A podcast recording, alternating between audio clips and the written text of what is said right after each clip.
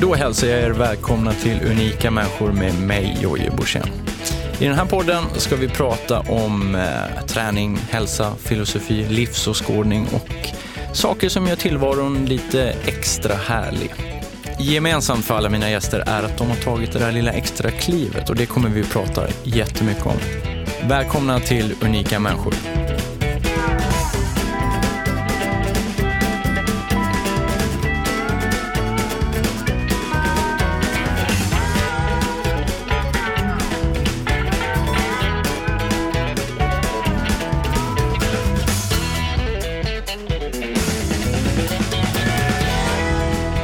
Så här är det. Den här eh, dagen har vi en eh, väldigt speciell gäst i studion. En eh, supertalang skulle jag vilja kalla henne.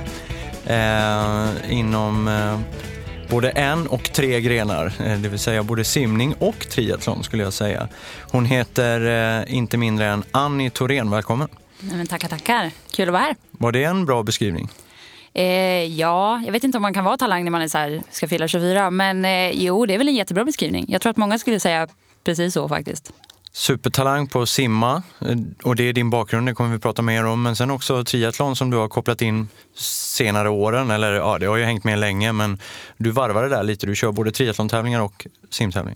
Ja, men precis. Eh, sen jag började med triathlon så har det blivit mer öppet vatten. Så Mm. det har ju varit eh, ganska få bassängtävlingar faktiskt. Just det. Jag gjorde några få när jag var fortfarande i tonåren och sådär. Men nu var det några år sedan. Men ja, en hel del simtävlingar blir det ju ändå.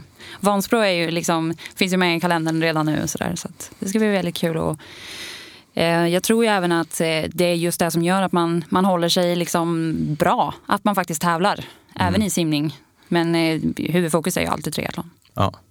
Eh, och du har ju faktiskt vunnit den heliga graalen eh, Vansbro eh, flera gånger. Tjejsimmet och hur, har du simmat långa simmet också? Ehm, Jag har kört eh, 5000 några gånger när det har varit i Vansbro. Just det. Eh, och eh, där har jag... ehm, ja, jag har ju vunnit SM har jag gjort, men då har vi även haft lite danskt eh, besök. Så jag har väl kommit tvåa i mål kan man väl säga. Men ett eh, SM-guld i långdistans har jag. Det har jag. Härligt. Och du är ju en av de yngre gästerna vi har här i den här podden, Unika människor faktiskt. Eh, född i Motala 1992. Stämmer bra det. Kan du berätta lite, ta oss tillbaks här till din eh, barndom om man säger, eller eh, var det började egentligen? Ja, vad började det egentligen? Eh, det började med en eh, hand i ryggen nere i Motala simhall där pappa konstaterade att eh, simma. så att jag började väldigt tidigt. Jag har ju två äldre bröder vilket gör att eh, lilla syster fick ju följa med liksom, när, när grabbarna började. Så att, eh, tog vi mina första simtag när jag var ungefär fyra och ett halvt. Gjorde min eh, första simtävling bara några månader efter där faktiskt. Så att eh, det började tidigt och jag har egentligen aldrig hållit på med något annat än simning och just triathlon. Så ingen fotboll direkt utan eh, jag har egentligen inga lagsporter alls, vilket är ganska bara det är ju ganska speciellt. Det är ju de allra Men flesta... ganska skönt ändå, bara foka på det man är bra på. Ja, men precis. Eh, konstigt nog så började jag mer och mer anse mig själv som en teamplayer. Men när jag var tonåring då var det nog många som tyckte att några terminer i fotboll kanske hade varit bra. Men eh, ja, hur började det då? Jo, men jag tyckte ju att simning det var ju pisstrist. Mm, det var som faktiskt- alla tycker. Som alla tycker. Simning är inte kul. Eh, men sen så började jag ju tävla lite mer seriöst när jag var i tioårsåldern. Redan som nioåring så simmar jag ju tio timmar i veckan. Mm. Så att jag var ju en av de här eh, barnen som RF typ säger att man får inte elitsatsa barn. Men eh, som sagt, jag tävlar, trä- ja, tävlar och tränar med de som var lite äldre. Så det var liksom, föll sig ganska naturligt. Simma innan skolan några gånger och lite efter. Och sen eh, redan som 13-åring så var jag ju med i mitt första ungdomslandslag. Vilket gjorde att, eh, ja, det är ju som allt annat, man vill göra det man är bra på. Mm. Och eh, då kom ju även glädjen i det. Tror du att du hade fastnat för det här om inte dina föräldrar hade varit så intresserade av sport? Och framförallt din pappa då kanske som har kört, han har väl kört Ironman på Hawaii? Mm, tre gånger. Ja. Yes. Eh, hade jag fastnat för det? Eh, nu ska jag vara ärlig, nej det hade jag inte. Det tror Nej. jag faktiskt inte. Jag tror att eh, mycket, mycket mer än vad folk vill erkänna är arv och miljö. Mm. Eh, och det är ju bara en sån sak som att, att vara född i Motala. Ja, det kanske hade gjort att jag visste lite mer om simning och triathlon. Om vi säger att jag hade hetat Andersson efternamn. Men jag tror att om jag hade varit född i Ludvika till exempel, då hade jag nog... Eh, ja, då hade jag aldrig suttit här till att börja med, men då kanske jag hade haft barn och raggarbil alltså, mm. när man är 23. Liksom. Så det är inte helt omöjligt. Det har ju väldigt mycket med arbetsmiljö. Eh, sen är jag ju väldigt eh, tacksam. Alltså, min familj, jag är världens bästa familj. Mm. Och jag är väldigt glad att de faktiskt tvingade mig lite grann i början. Mm. Men eh, nej, jag tror inte att jag hade hållit på. Nej. Om du fick byta sport, då, vad, skulle du vilja göra hellre? Ja, igår var jag faktiskt och spelade curling med laget Din och det måste jag säga var sjukt kul faktiskt. Ja. Men det är också någonting som, det finns ju inte i Motala så att det kanske man inte heller hade haft så bra koll på. Min gissning är faktiskt att jag hade hållit på med um, någon lite mer fysisk idrott, någon lite mer med styrka. Så mm. som... Crossfit? Nu blev Jonas Koskinen orolig. Nej då, inte crossfit. Men däremot så tror jag att segling eller ännu mer fysiskt, kanske brottning, någonting sånt. Mm. Jag är en ganska stor tjej, ganska stark men ändå ganska uthållig så. Så att jag tror att eh, en sport med kroppskontakt hade nog faktiskt funkat ganska bra. Mm, mm. Ja, spännande. Eh, Okej, okay, så du började simma tidigt och sen eh, gick du på triathlongymnasiet? Jajamän. I Motala? I Motala. Och det är det enda svenska rikstriathlongymnasiet som finns? Ja, det, mm. precis. Mm. Det var ju just det att min pappa var med och startade en gång i mm. tiden, 1993. Startade ju precis eh, bara några månader efter att jag hade fötts egentligen. Jag är ju född ganska sent, 1992. Då. Eh, men så att det följs väl ganska naturligt i och med att mina båda bröder gick på samma gymnasium också. Men det var inte världens lättaste val kan jag säga. För att eh, i nian där så var jag väldigt sugen på att sluta med allting som hade med idrott att göra faktiskt. Jag mm. hade en rejäl svacka i bassängen och kände väl att är det här verkligen värt det? Man ska gå upp liksom 05.30 vissa dagar och man ska räkna kakel tills man blir dum i huvudet. Men eh, gick vi ganska långt ner i källan där det året och konstaterade att nej men eh, så här vill jag inte heller leva. Det var då jag kände att det här med att kanske bara göra något nytt kanske är precis rätt väg. Mm. Och pappa sa till mig att men du sök triathlongymnasiet så kan vi väl ta diskussionen i sommar. Mm. Vi tog diskussionen i sommar och då var det faktiskt jag som sa att nej men nu kör vi. Mm. Så att jag, jag bröt eh, liksom kontakten med mitt gamla jag där. När jag slutade högstadiet och fick det liksom vara bra. Och mm. eh, började liksom springa och cykla regelbundet och bara året efter så vann jag mitt första SM-guld. Du, eh, bara prata lite om triathlongymnasiet där. Eh, tycker du triathlongymnasiet är en bra språngbräda för att ta det vidare i livet? Eh, alltså, om jag, eller jag ställer frågan igen, så här, eh, varför blir det inte mer utav triatleterna som går där? Oj, ja nu ändrar du verkligen frågan. Eh, jo, så här är det. Eh, vi lever i en drömvärld när vi går på triathlongymnasiet. Mm. Du eh, får ett träningsschema. Mm. Du får två stöttande coacher. Du har en simcoach på varenda pass. Du har en eh, otroligt kunnig Jocke Wilén som just nu är huvudtränare. Som har koll på kost, han har koll på alltså styrkan, löpningen, cyklingen. Han eh, är väldigt peppande och eh, inte minst så det han inte kan ser han till att fixa. Mm. Allt från sjukgymnaster till men mentala coacher. Sen när man slutar gymnasiet så är man ju ändå 20 år och man konstaterar att saker och ting kostar pengar här i livet också. Var ska man få pengarna ifrån? Det är någonting som vi inte får lära oss på gymnasiet. Vi får Nej. inte lära oss att det handlar om sponsorer. Att det handlar om sociala medier, det handlar om... Det handlar väldigt mycket om performance, självklart. Men man måste också förstå att det handlar inte bara om det. Eh, för att du kan inte leva på vatten eller luft. Utan du liksom du måste ha någonstans att bo. Vissa vill ju inte flytta hem igen efter att ha bott liksom, borta i fyra år. Då väljer de att ta en egen lägenhet. Då kostar, de, kostar det en summa. Och så ska de äta. Kostar det en summa. Och sen sådana här saker som vi inte har tänkt på under gymnasietiden. Okej, okay, du måste gå med i en simklubb. Du kanske ska gå med i en cykelklubb för att ha någon att cykla med. Ska du gå med i friidrottsklubben för att ha någon att springa med. Eller så hittar du en triathlonklubb som kanske inte alls är av den kvaliteten som man är van med. Mm. Och bara sådana saker som gymkort är ju svindyrt. Men mm. det är ju mm. lite förbaskat någonting som vi triatleter behöver. Och samma sak med naprapater, gym, alltså sjukgymnaster, massör, allt sånt. Så att eh, därför är ju det är, det är jättebra på gymnasiet men man lär sig också lite för lite om, om det verkliga livet sen. Um, och ja. vad skulle en lösning vara att uh, helt enkelt utbilda mer om, om det? Eller alltså blir man, uh, är man inte tillräckligt bra att ta sig ut på Europacup eller världscup till slut kanske till och med, då fasas man ut i det där. Man kommer aldrig...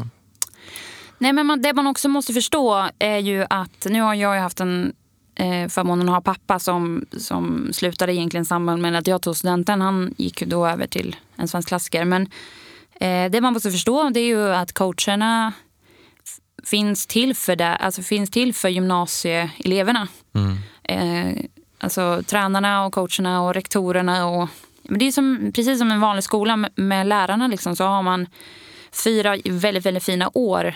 Men eh, det har ju inte till deras arbetsuppgifter att ta hand om dem när de är 21-22.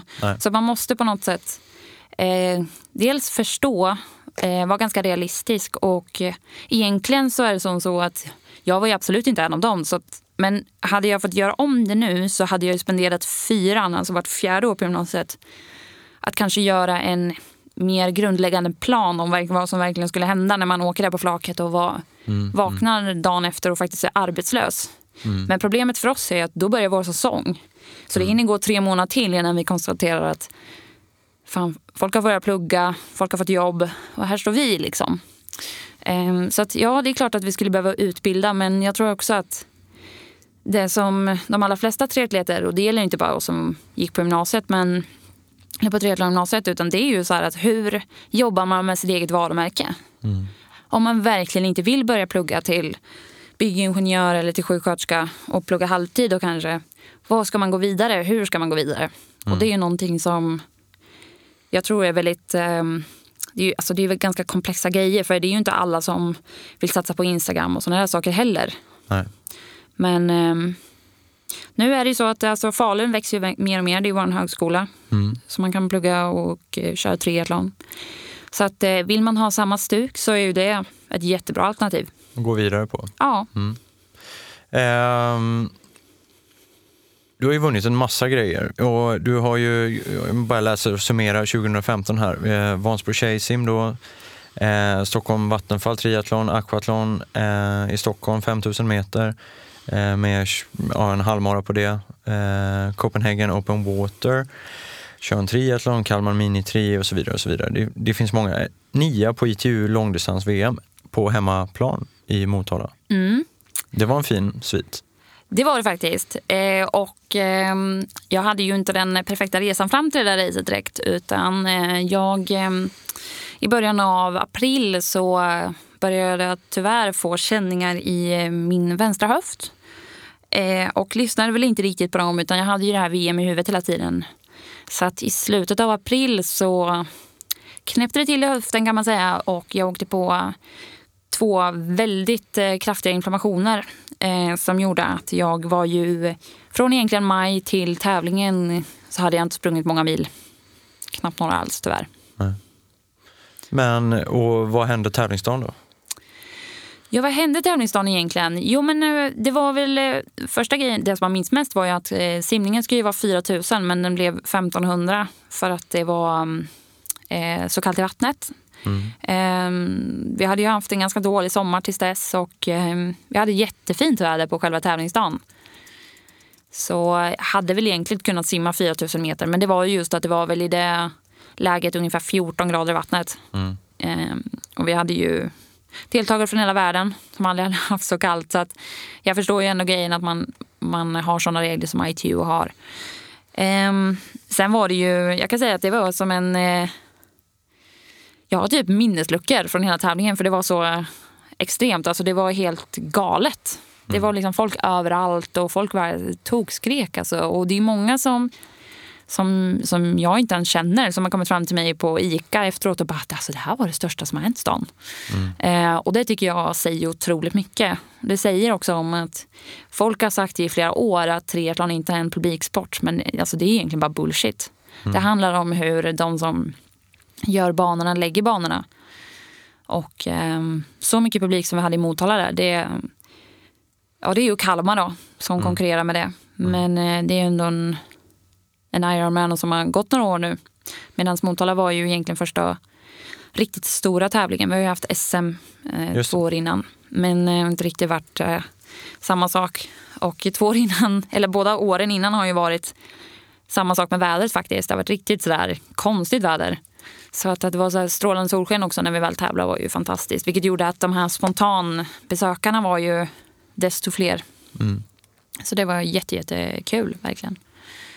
Sen hade jag som sagt lite problem med min höft så att jag ehm, eller jag ska säga, min coach Frank som är ganska ny i mitt liv hade satt eh, lite så här att vi försöker att springa så jämna varv som möjligt. Det var tre varv, tre gånger en mil. Och eh, jag sprang ändå hyfsat jämnt och eh, kunde springa hela vägen, gick inte ett enda steg. Vilket jag, alltså nu efterhand så får man ändå vara jättenöjd med det. För jag hade mm. inte, inte de bästa förutsättningarna. Men det är klart att det är också det är klart när det är väl VM så vill man ju göra det bästa man kan. Mm. Och det var det bästa jag kunde göra just då. Men det är klart att jag vill alltid att det ska vara bättre. Så är det Var går VM i år? I Oklahoma i mitten av september. Ska du dit? Ja. Mm. Bra, då vet du. Uh-huh. Eh, du är ju in, eh, när vi spelar in det här så är du inne i en liten process av eh, förberedelser inför att slå ett rekord. Ja klassikerrekordet. Kan du berätta lite om det? Ja, eh, det är ju så här att jag under 2015 och nu 2016 håller på med en tjejklassiker. Det är första gången jag gör tjejklassikern. Jag har gjort stora klassikern förut. Och tjejklassikern kan jag dra lite snabbt. Då. Det är alltså Tjejvättern, det är Vansbro tjejsim och det är Lidingö tjejlopp. Mm. Och nu ska jag avsluta med Tjejvasan här nu om eh, lite drygt fyra veckor. Och eh, det är ju väldigt eh, tre grenar nu som jag har gjort som jag ändå kan ganska bra. Eh, jag menar simma kan jag ju och jag vann ju den vilket var en väldigt eh, stor grej för mig. Och eh, sen hade jag ändå ett väldigt bra gäng på Tjejvättern och eh, vi slog ju rekordet där. Det, alltså själva rekordet på just Tjejvättern med ganska många minuter faktiskt. Vilka körde du med? Jag körde tillsammans med några andra tjejer från Motala. Mm. Eller från, förut hade Motala ett, eh, ett eh, proffslag kan man säga, ett tjejlag helt mm. enkelt. Så det var vi och eh, några tjejer från Sub XX. Mm. Men det vart väl lite sådär på slutet att det var några som hoppade av på slutklämmen där. Så att jag tror väl att det är jag och någon mer ifrån, alltså från MIF då, som står med, med rekordet. Mm. Så att, eh, det är spännande. Och sen så tog jag ett eh, helt okej okay tid på, på Lidingö tjejlopp. Det mm. var ju... Det är 15 kilometer? 10. Det är 10? Yes, mm. är det. Det är ju sista milen då. Sista milen, ja. Mm. mm. Så att jag var väl inte... Alltså, terräng är ju ingenting som jag tränar tillräckligt mycket för att egentligen kunna ens titta på tiden. Men ja, det var ändå helt okej. Mm. Så att, och de, nu ska man alltså slå ihop de här. Eh, jag har ju inte kört Tjejvasan ändå. Men, eh, och slår man upp de här fyra tiderna så får man en sluttid. Och det är den tiden som eh, anses vara ett litet rekord. Vem har det nuvarande rekordet? Det är en annan triatlet faktiskt. Eh, som precis har registrerat sin tjejklassiker. Eh, en Marie, tror jag hon heter, från Eskilstuna. Så att eh, hon åkte faktiskt eh, fantastiskt bra på Tjejvasan förra året. Så att eh, det är ju det som jag får eh, traggla lite med. Jag tror mm. att hon åkte den på 1.42. Vilket är väldigt starkt. På de ja, tre milen. Och det är svårt också med tanke på att eh, du måste ju köra den dagen loppet går, eller hur? Jajamän. Och eh, förutsättningarna är lite annorlunda år för år. Ja, det är ju det. Det skiljer otroligt mycket. Mm. Ibland kan det skilja bara på en dag. Ja. Um, så att uh, jag hoppas ju dels på väldigt mycket snö, snabba spår och bra valla. Det, det. det är det jag behöver. Och Tjejvasan eh, är, är den fyra och en halv då? Den är tre. Den är tre? Mm. Så man startar i Oxberg? Nej. Det var mer än du visste. så. Ja, men herregud. Jag, jag kör så här busstrafik ut och så bara tänker jag att någon säger, mig, säger åt mig vart jag ska stå och så kör ja. jag bara. eh, men då får vi se hur det går med det. Eh, varför jagar du det rekordet? Är det viktigt? Eh, är det viktigt? Ja, jag tycker att det är lite viktigt. Jag, eh, för det första så tycker jag ju att eh, en svensk klassiker och roppen runt omkring är sjukt kul. Mm. Jag har ju cyklat Vättern undrar gud hur många gånger det är nu Fyra, fem gånger. Mm. Eh, och hade jag inte tyckt det var kul så hade jag inte gjort det. Det är ju så. Ehm, och jag tycker ändå att eh, det är bra ehm, att faktiskt kolla lite på tiderna. Många säger att det ska vara liksom motion och det är det ju verkligen. Det är ju bara att titta på vilka som kör. Liksom. Det är ju allt från proffscyklister till enväxlade damhojar. Liksom. Så det är lite det som jag tycker är charmen med det. Eh, varför jagar jag rekordet då? Jo, men det är alltid kul om man får vara... Även om jag ska bara vara historisk i ett år så är det ju alltid kul, tycker jag. Sen är det alltid kul att se vad man, vart man står sig. Mm. Tävlingsmänniska, ut i fingerspetsarna. Men eh, hur mycket längdskidor har du åkt då? Alldeles för lite. Ja. Ja. Jag såg att du var på något läger här för någon vecka sedan uppe i fjällen. Eller Ja. några veckor sedan kanske.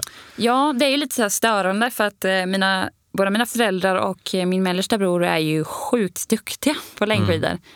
Eh, och jag harvar på där och tycker väl att eh, ja, jag försöker skylla på skidorna. Och så skyller jag på pappa för det är han som vallar och det är bara värdelöst allting. Men eh, jag försöker ju väldigt mycket att jobba med min teknik nu. För jag tror faktiskt att det är det som är mitt stora problem. Att jag har jävligt dålig timing i framförallt stakningen och sånt. Så att min mamma har ju försökt lära mig som ändå är uppvuxen i Dalarna. Så hon har ju lite så här, de har åkt längdskidor på gympan och sådana saker. Så att, eh, jag får tänka att pappa åker ju i Vasaloppet på 5 och 12 tror jag väl är. Och han började ju åka när han var i min ålder. Så att det finns hopp. Men eh, ni måste ha bra spår i Motala nu?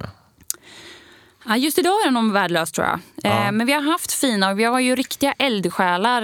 Eh, det finns ett ställe ute eh, ungefär två och en halv mil utanför Motala som heter Godegård eller Krassbäck. Där det finns några som Även fast det inte finns någon snö så hittar de snö. Liksom. Det är helt fantastiskt. Då kan man åka fyra kilometer, jättefina spår.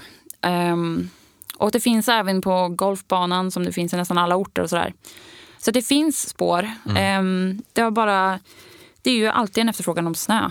Där det finns snö brukar det finnas spår. Men Och generellt då, om man tittar på en träningsvecka för dig, hur mycket tränar du egentligen? Ja, hur mycket tränar jag egentligen? Det är... ehm, det beror på lite, alltså, lite vilken månad man kollar på och ehm, vad jag har på agendan. En sån här vecka med ganska mycket resande och så, så blir det tyvärr inte så mycket som jag kanske hade hoppats. Men en normal vecka landar mellan 17 till 25 timmar. Det är mycket. Det är mycket, men jag är också... eh, Jag höll på att säga att jag är arbetslös, men det är jag faktiskt inte. Det här är mitt jobb. Jag gör ju ingenting annat. Um, hade jag suttit med ett halvtidstjänst och tränat så mycket, då hade jag hållit med om att ja, det är mycket. Men eh, jag vaknar varje morgon och vet att jag bara ska träna. Jag ska inte göra något annat. Jag har liksom inga förpliktelser eller någonting, så att det är lagom egentligen.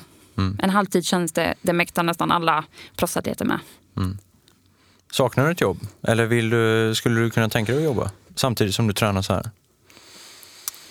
Alltså, jag kan sakna det på ett sätt för att jag är ju 23 år och eh, aldrig egentligen haft ett jobb.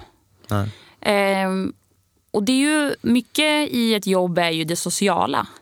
Man får arbetskompisar, även om man kanske inte så här, skulle gå och ta en fika med personerna efter man har slutat. Liksom, så är det ändå en, en social del som, som, som man kan sakna eller som man, som man helt enkelt har missat i mitt fall. Och det är ju synd. För att eh, det är ju många som träffar liksom vänner för livet på ett jobb. Även när de byter jobb så man, håller man kontakt med just de där personerna. Och det kan jag väl sakna lite grann. För att livet som proffsatlet är ett ganska ensamt liv. Det är många som inte tänker på det.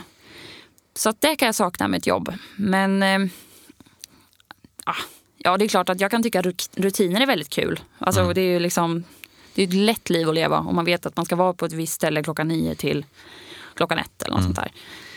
Men jag har ju lärt mig att skaffa mina egna rutiner. Att jag simmar samma tid och sådana här saker. Just det.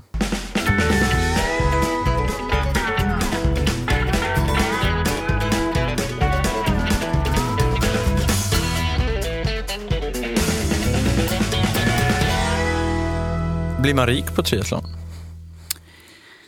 Ehm, det beror på hur bra du är. Alltså, det är klart att... ehm, Lisa Nordén måste ju vara ganska rik. Eller hon måste ha tjänat mycket pengar. Ja, det känns som att hon borde ha tjänat ganska mycket pengar. Eh, och framförallt så Eh, nu har man inte sett så mycket, men vi får se lite grann efter Rio här nu. Men eh, hon verkar ändå ha en ganska bra PR-agent. Och jag tror mm. att det är nog fan hemligheten till att tjäna pengar i den här sporten. Mm. Eh, sen är det många som känner att de inte vill, det är ett dumt uttryck egentligen tycker jag, men att de inte vill sälja sig själva.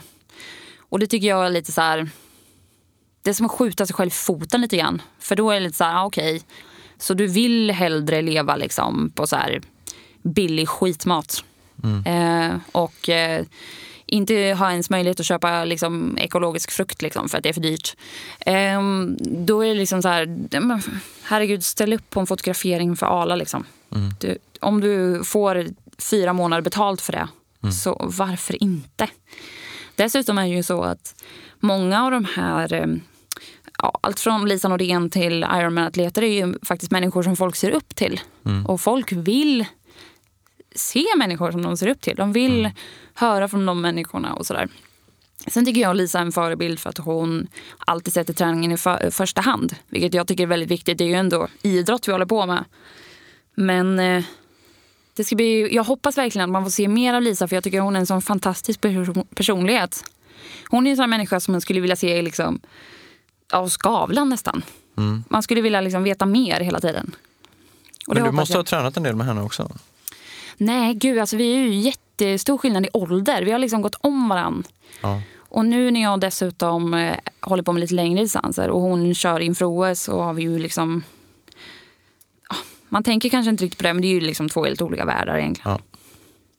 Hur kommer det sig att du fastnade för eh, längre distanser? För du har ändå inte tagit klivet upp till Ironman utan du liksom håller dig på halv Ironman och lite sprintar och sådär. Mm. ITU, i och för sig långt. Det är i och för sig långt. Ja, precis. Ehm, då är vi tillbaka där egentligen. Ehm, jag är en person som gillar att göra det jag är bra på. Mm. Ehm, och jag har alltid känt att det här med att ligga på klungan på cykeln och sådär. Jag kan absolut göra det, men jag tycker inte att det är speciellt kul. Um, däremot så har jag märkt att jag är en otroligt stark temposklist. Mm. Har vi kört eh, liksom, lagtempo eller eget tempo så där, när vi har kört eh, som träningspass så har jag alltid märkt att jag har haft ett litet för, alltså, övertag hela tiden. Och då har jag känt lite så här att fan, jag kanske är bra på det här liksom, med att bara ligga och mala. Mm. Så fick jag min första tempocykel och så kunde jag bara konstatera att eh, det här är ju helt rätt. Mm. Um, och då så körde jag min första um, 70,3 då. Och det var ju premiär i Vansbro. Nu är ju det fyra år sedan faktiskt. Eller ja, tre och ett halvt. Och eh, det, det slutade väl inte jättebra, men det började väldigt bra. Och eh, hade en jättestor ledning efter simningen. Det var i och för sig ingen chock direkt, utan eh, det hade jag väl liksom räknat med. Eh, och gjorde mina första nio mil då i tempo egentligen. Jag hade aldrig cyklat så långt själv förut. Eh, men cyklade på 37,5 i snitt. Och det är ändå ganska bra när man är liksom så 18. Mm. Men så slutade det med att jag svimmade när det var 8 kilometer kvar. För att det här med nutritionen hade jag ju inte riktigt lärt mig. Mm. Eh, men då hade jag ändå en ledning ner till eh, hon som senare vann då med vad var det, 11 minuter. Så hade jag nästan kunnat gå i mål då. Men, eh, så du vaknade upp där och tänkte, ska jag fullfölja? Eller ska Jajamän, jag, liksom... jag försökte till och med. Men det gick inte? Nej, men det gick inte. Och sen så är det ju så att jag vet inte om det är liksom, eh, lag på det inom svensk triathlon, men det är liksom lite regel att om man svimmar så ska man typ bli avplockad. Eh, så att eh, funktionärerna var lite så här, du stannar nere nu. Eh, för att, ehm, Hur kändes det då? Var det på löpningen?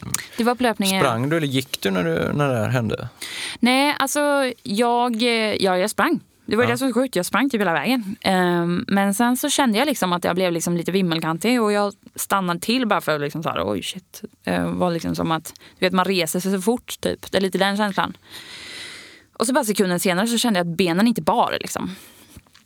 Uh, så hade jag diket där en, en liten stund och, och, kunde bara konstatera att uh, det här kommer att bli jobbigt. Så mm. försökte jag liksom att röra på mig men rörde mig väl i typ 200 meter men kunde typ inte typ kravla mig fram. Liksom. Så att, eh, det kanske var klokt då?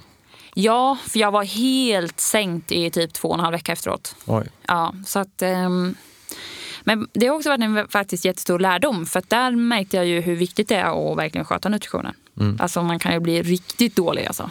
Det är, inget, det är inget man ska leka med. Men finns det en plan att eh, kliva upp och köra Ironman?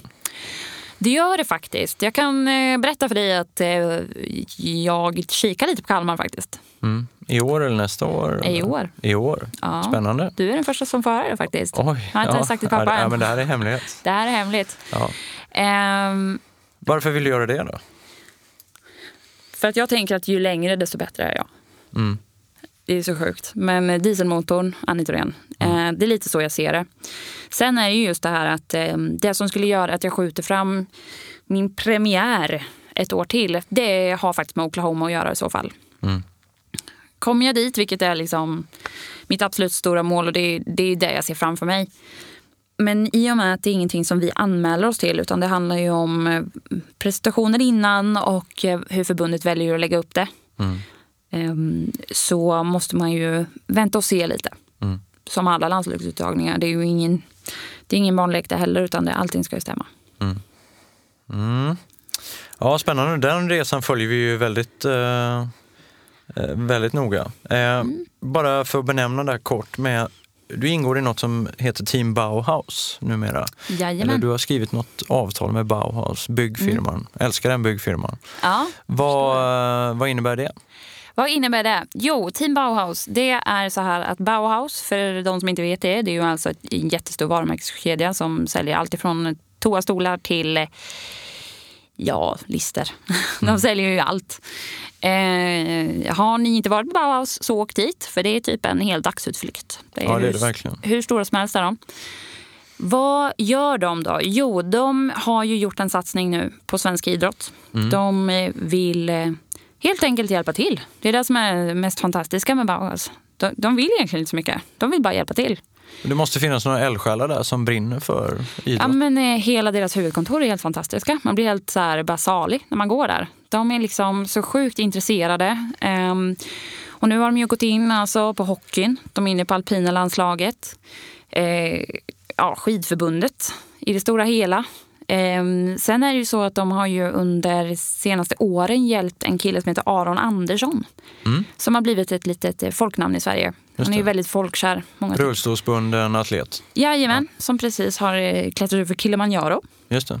Och ehm, han har ju eh, han har ju hjälpt Barncancerfonden väldigt mycket. Och även där har ju Bauhaus hjälpt till otroligt mycket. med Väldigt mycket pengar. Och i Team Bauhaus så ingår ju även eh, två stycken eh, inom eh, vad ska man säga, motorsport. Mm. Det är ehm, en rallyförare och eh, speedway. Sen är det ju jag, Marcus Hellner. Just det. Så att, eh, det är ju så här rätt stort att få vara i det lilla gänget. Eh, så att det är ju väldigt, väldigt roligt. Det kommer bli en hel del på sociala medier där det kommer aktiveras. Där man kommer se vilka som är Team Bauhaus. Och eh, vi finns ju till, vi i Team Bauhaus, vi finns ju till för att aktivera Mm. eh, både de som jobbar på Bauhaus men även de som är kortkunder eller som, ja, som alla andra som bara är på Bauhaus ibland. Liksom. De ska ändå också, det handlar ju väldigt mycket om, om folkhälsa, precis som så mycket annat just nu. Så att, eh, vi får se lite grann vad det landar i, men jag är helt säker på att det kommer bli väldigt, väldigt bra. Ja, vad roligt. Mm. Kul. Grattis. Tackar. Eh, nu ska vi hoppa ganska ordentligt. När jag googlade dig eh, och bara sökte på ditt namn för att se vad som kom upp så, var, så märkte jag att den, den mest googlade länken var Annie Thorén vikt. Mm, det stämmer. Eh, och vi snackade lite om det innan här. Det visste du om. Ja, det visste jag om faktiskt. Eh, jag, eh, Vad är grejen? Du, det undrar jag också. Eh, jag kan bara berätta hur jag vet om det. Eh, det är klart som tusan att jag har googlat mitt eget namn. Vem har inte gjort det? Snälla någon, det är 2016. Jag har aldrig gjort det. Jo, det har du. Jag Kom gör det varje dag. ja, men det är rätt faktiskt. Man ska hålla koll. Eh, nej, och på samma sätt så har jag drivit en, eh, en blogg som under en period var ganska framgångsrik. Mm. Eh, och där kunde jag se diverse sökmotorer, hur de kommit in, alltså trafiken på min hemsida helt enkelt. Och bara av en slump gick in och kollade på vad googlar folk egentligen? Om det är Annie Thorén triathlon, Annie Thorén Micke Thorén. Hur kommer man in på min hemsida? Då såg jag att inom loppet av en månad eller vad det var, tre veckor tror jag, så hade jag alltså det högst uppmätta som jag har sett så var det 72 personer som hade googlat det. Mm. Och det tyckte jag var lite så här, vad fan är det på riktigt liksom? Så gick jag in på Google och drog in det här. Liksom. Och det var ju liksom det första som kom upp, anektorenvikt. Och jag vet att det är någonting som många har kanske reagerat lite grann på när jag har varit ute och tävlat, framförallt internationellt. Det är ju så att jag är ju inte... Om man håller upp en mall liksom, på en triatlettjej hur, hur man ska se ut, om man kan säga så, så kanske inte jag riktigt faller in i den mallen. Ehm, Jag är en ganska stor tjej. Både liksom lång och ja, ärligt talat ganska bred. Eh, Jag kommer från simning där det inte har varit så viktigt. Ehm, Jag är en väldigt kraftfull simmare. Hade man kunnat se vatt där så tror jag nog att jag hade druckit rätt mycket vatt i vattnet om man säger så. Och det är även någonting som man gör på, på cykeln. Det är, det är få tjejer, få svenska tjejer som dricker så mycket vatt som jag gör. Sen så är det sj- självklart kop- kopplat till min vikt. Och ju äldre jag har blivit så har jag liksom förstått att shit alltså det här är verkligen en big deal. Folk bryr sig verkligen. Det är helt sjukt. Och då tycker jag så här att på samma sätt som att vi pratar, det blir så här, man pratar om att åh jag skulle vilja gå ner i vikt. Men man kan aldrig komma med responsen bara, ja men det kanske skulle vara en bra idé. För då blir det så här, om du skulle säga så till mig, då skulle, jag, då skulle du bara säga, men gud tycker du jag är tjock? Nej men vänta nu, det var du som sa att du skulle gå ner i vikt. Jag höll med. Va, va, vad, är, vad problemet egentligen?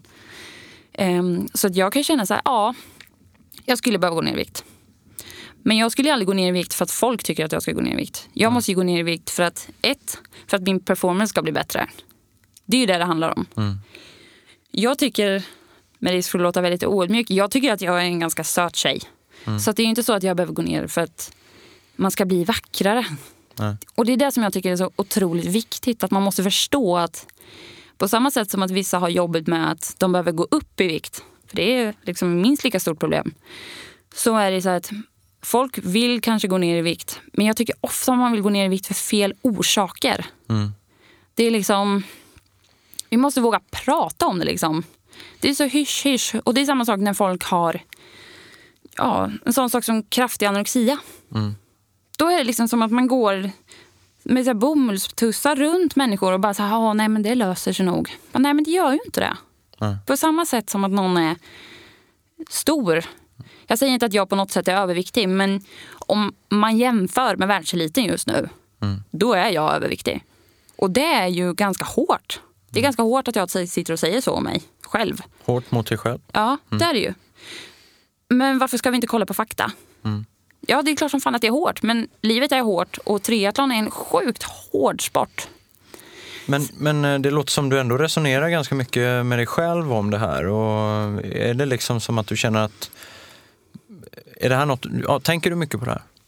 Jag har börjat tänka ganska mycket på det. Eh, framförallt efter min skada faktiskt. Eh, och då är det ju ändå så att eh, med en extra vikt så tar ju kroppen mer stryk. Och jag har ju börjat känna att eh, återigen, jag trivs faktiskt väldigt bra med mig själv. Och det har också varit ett problem. För hade jag inte gjort det så hade jag kanske gjort någonting åt det tidigare. Men att vara skadad, det är ju bland det värsta som finns. För du är liksom, det är ju inte bara så att det gör ont när du springer. Utan det gör ju ont i ditt vanliga liv. Ja, Alltså- du tappar en del av dig själv. Ja, man gör ju det.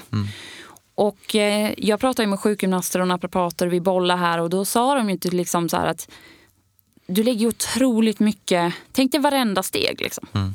Det är otroligt mycket kraft liksom och det är otroligt mycket tyngd och otroligt mycket som händer i kroppen. Och om man kollar på någon som kanske är lite lättare än jag, de får inte riktigt det slitaget. Vilket betyder att jag som ändå kommer från simningen och är ganska porös. Vi har ju liksom, jag har ju legat i liksom vatten typ så här, hälften av mitt liv. Ehm, jag måste ju ändå tänka logiskt. Det är lite där Newtons lag. Man måste ju ändå liksom se på fakta. Ehm, men sen så tycker jag däremot att en sån sak som just det här med googlingen till exempel.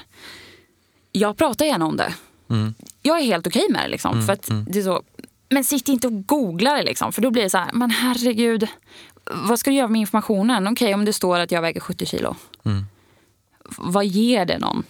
Jag, Men kan det inte vara så att folk kan identifiera sig i det där också?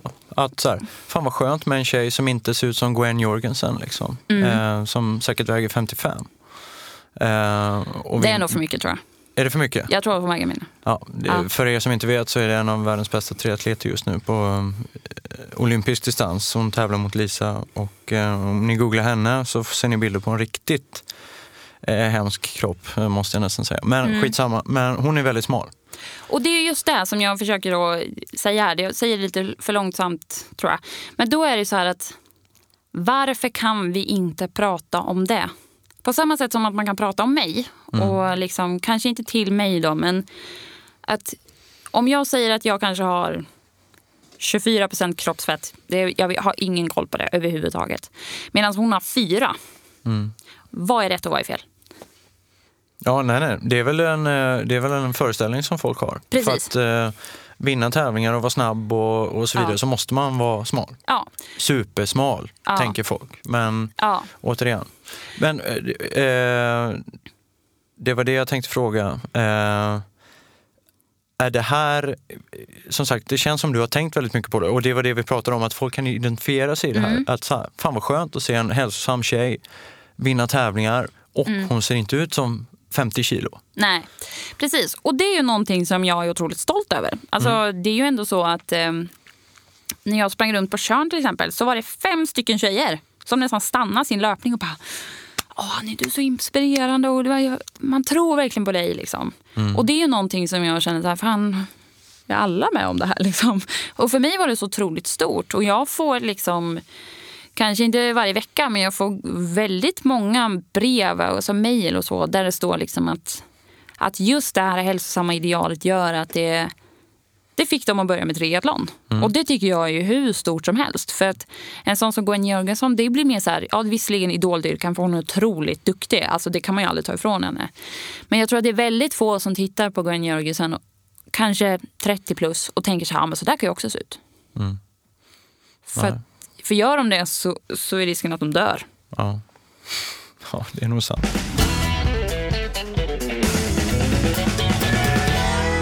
Eh, saknar du något i ditt liv? Oj, eh, herregud. Eh, nej men ja, men ja, det är klart jag gör. Eh, jag är ju singel sedan ganska många år tillbaks. Så Mm. att, eh, Kärlek? Kärlek, ja. Söker jag kärleken? Nej, Finns kanske du på inte. Tinder? Ja, och du vet vad? Jag var faktiskt för, för bara någon vecka sedan så kom jag med på en sån här sports swipe Instagram och jag typ höll på att dö för att det skulle vara så pinsamt. Då har de samlat alla så här proffsatleter på Instagram som finns på Twitter så att vi ska typ kunna, eller på Tinder för att vi ska kunna typ hitta varann. Och då vart jag så här, åh herregud. Vad har hänt med världen? Eh, så. Men, Men skulle du helst träffa en eh, atletisk person eller en, en person från sport? Jag vet faktiskt inte. Det, där är, det är faktiskt en ganska vanlig fråga. Jag får den frågan oftare än vad jag trodde att jag skulle få. Men nej, det, nej. Alltså jag eh, har... eh, Utan att bärsa mina förra pojkvänner så har jag haft helt fantastiska eh, killar i mitt liv. Men alla har hållit på med elitidrott och eh, det har ju uppenbarligen inte funkat. Så, eh, rent konkret. Men jag känner väl att eh, det är nog väldigt lätt om båda är på samma nivå, lika uppe i sin elitsatsning. Att även om man inte ens egentligen kör samma grej så tror jag att det blir lite konkurrens. Och man kan nog liksom inte ha konkurrens även i ett förhållande. Om man håller på med liksom tävlingsidrott så blir det liksom det blir lite too much till slut. Liksom. Så att eh, självklart skulle jag ha någon som lever ett aktivt liv. För annars så tror jag nog att de skulle ha svårt att förstå vad jag håller på med. Men eh, Men jag tänker så här, en, en mottalare Motala historia i bandy. En bandyspelare. Ett proffs. Ja, fast bandyproffsen de träffade sin flickvän när de är 14 och så gifter de sig när de är så här 22 och så skaffar barn när de är 25. Så jag är liksom lite för sent ute. Okej. eh, Okej, kär, avsaknad av lite kärlek då kanske. Något mer? Ehm, nej, inte sådär jättemycket. Ja, så jag har ju valt att leva ett ganska enkelt liv. Eh, jag lever ju typ hela mitt liv i en resväska. Jag är ju aldrig hemma i min lägenhet i Motala typ så här fem dagar i sträck. Då får jag lite så panik, då måste jag röra på mig. Så att eh, nej, jag saknar, just nu så saknar jag ingenting. Jag ehm, saknar jag någonting. Det är det som är bra också. Jag har kommit till det här stadiet i livet så, så försöker jag fixa det. Helt enkelt. Ehm, Jag har en fantastisk familj. Jag har en grym coach som har en, eh, en fru som är nutritionist. Så att jag har henne och tränar mycket med. Och hon också är helt fantastisk. Vi har blivit väldigt bra vänner. Väldigt mycket bra vänner har jag. Så att jag, nej. Du bodde i Stockholm ett tag, var det så? Jajamän, har kvar lägenheten i Midsommarkransen också faktiskt. Vad gjorde du här? Jag pluggade på GH. Vad läste du? Eh, specialidrottslärare. Okej. Så det finns en eh, baktanke med något? Ja, det gör ju det. Ehm, jag är ju min pappas dotter. Jag ville väl egentligen gå lite samma, steg samma väg som han har gått helt enkelt. Han eh, pluggar ju där. Ehm, 87 tror jag det var. Ehm, men eh, jag, eh, utan att säga för mycket nu, så kan vi säga att jag var väl inte överförtjust av utbildningen och inte jätteförtjust i skolan heller. Så att, ehm, Och inte bassängen där heller va? Jag fick simma själv varenda gång så jag tyckte så här var ändå helt, så här, helt fantastiskt. Helt tom pool Ja, typ. ja i och för sig. Ja, det är ju rätt Nu ska de renovera den i två år typ. Ah, okej. Ja, för att, eh, jättetråkigt. Ja, de behövde ju inte ha mindre hallar i den här stan direkt. Ja, det var ju tråkigt. Men den får vi hoppas att det blir bra. Mm. Ja. Okej, så eh, utbildning där ja. Och vad, om du tittar tio år framåt, vad gör du tio år framåt? Om du Det- fick liksom... ja, det här är lite kul faktiskt. Jag hade den här diskussionen med min coach Frank eh, bara för en vecka sedan. Och då ska jag väl säga samma sak som jag sa till honom. Om tio år så är jag ju 33, ska bli 34. Eh, och jag hoppas att jag har ett eller två barn. Faktiskt. Jag hoppas att jag är lyckligt gift. Eh, och det här säger jag med lite glimten i ögat så hoppas jag faktiskt att jag är hemmafru. Jag Mm. hoppas att jag inte ska behöva jobba då heller. Nej, vad skönt. Ja, eller hur? Träna, springa med vagn. Ja. Dubbelvagn då, i så fall. Du, jag tänkte att vi skulle gå igenom lite simtips här till, för att avsluta med. Du är grymt duktig på att simma. Du är väldigt duktig på att springa, eh, cykla och springa också. Men eftersom du ändå kan eh, det här med simning. Hur gör man simning intressant? Ja, det är ju en jättebra fråga. För du, tyck, du sa själv att du tyckte att det var så jävla pisstråkigt förut. Så att, eh, ja. hur gör man det kul? Ehm, för det första så har jag ju några sådana här saker som jag har märkt. Ju mer jag kommer in på triathlon så har jag märkt att folk typ gör simning tråkigare som triatleter. Alltså det är helt sjukt. Och då är det ju så här att simning behöver inte vara att du sätter klockan på typ en timer i 30 minuter och så simmar du bara fram och tillbaks. Det är okej att dela upp det i intervaller. Sen behöver det inte betyda att intervaller i simning är inte hårt. Nej. Utan det kan ju vara att man, om man bestämt sig för att jag ska simma 1500 meter idag. Då lägger man upp det som så att man kör 200 meter insim. Sen kan man köra fem stycken hundringar. Sen kan man köra 75 Man kan köra hundringar igen. Och så avslutar man med 8 25 ökning 1 till 2. Än att man lägger sig och maler de här. Det är väldigt Fem- många som gör så. Väldigt många som bara maler. Och det är ju så här, jag får ju typ lite så här klaustrofobi om jag kör mer än 800 meter sträck. För det är så liksom, vad tänker människor på liksom? Du skulle aldrig lägga dig och köra 1500 i ett streck. Om du Jo, inte gör ett test. Om jag inte gör ett test, självklart. Nej, men alltså, jag kan ju typ lägga mig och köra fyra gånger 1500 om jag skulle liksom ge mig fanken på det. Men varför? varför? Mm, det skulle bli alldeles för tråkigt. Ja, och sen så vet jag liksom att det är inte så att det är mitt enda simpass på veckan utan jag ska ju tillbaks imorgon igen. Eh, Så att jag vill ju liksom inte bränna all min liksom, motivation på ett pass. Vilket jag upplever att många gör. De liksom så här våndas i typ så fem timmar innan de ska gå dit och sen så tragglar de igenom sig och sen så ja, tycker de nej, usch, nu ska jag inte simma på tre dagar. Så att det, det är bättre tror jag att man försöker att faktiskt simma 1400 meter då. Mm. Om det är liksom just att man tycker att det ska vara 1500 meter. Och liksom så här, men försök att göra någonting annorlunda. Varenda pass har jag ju som mål att de ska se annorlunda ut. Mm. Det tror jag väldigt få, framförallt triatleter, som kan säga att de gör. Och sen Eh. simmargrupp, det ska jag säga. Simmargrupp. Eller simkompis. Ni behöver inte ens simma samma pass. Ni behöver inte simma lika fort. Ta bara bra. med dig någon. Bra tips. Mm. Hur ser din grenfördelning på en vecka ut? Eller säg på en månad. Hur skulle du säga, liksom, säg en månad i april. Hur mycket procent lägger du på simma, cykla och springa? Ja, det där är lite, lite speciellt i och med att cykla kan man ju göra tills man dör. Typ. Alltså det, är ju liksom, det kan man ju köra eh, två gånger fem timmar på en helg. Alltså det går ju. Medan jag skulle ju aldrig kunna springa fem timmar. Det går ju inte. Så att, eh, det är faktiskt ganska jämnt fördelat. Och eh, just nu, nu är det ju inte april då, men just nu så är det ganska mycket löpning. Men många pass. Alltså inte liksom två timmars pass utan kanske däremot två stycken 50 minuter mm. på en dag. Mm. Och sen samma sak imorgon. Och sen så, så det är mycket sådana saker. Just eh, och det är ju precis det som jag pratat lite grann om, att eh, hålla oss borta från skador.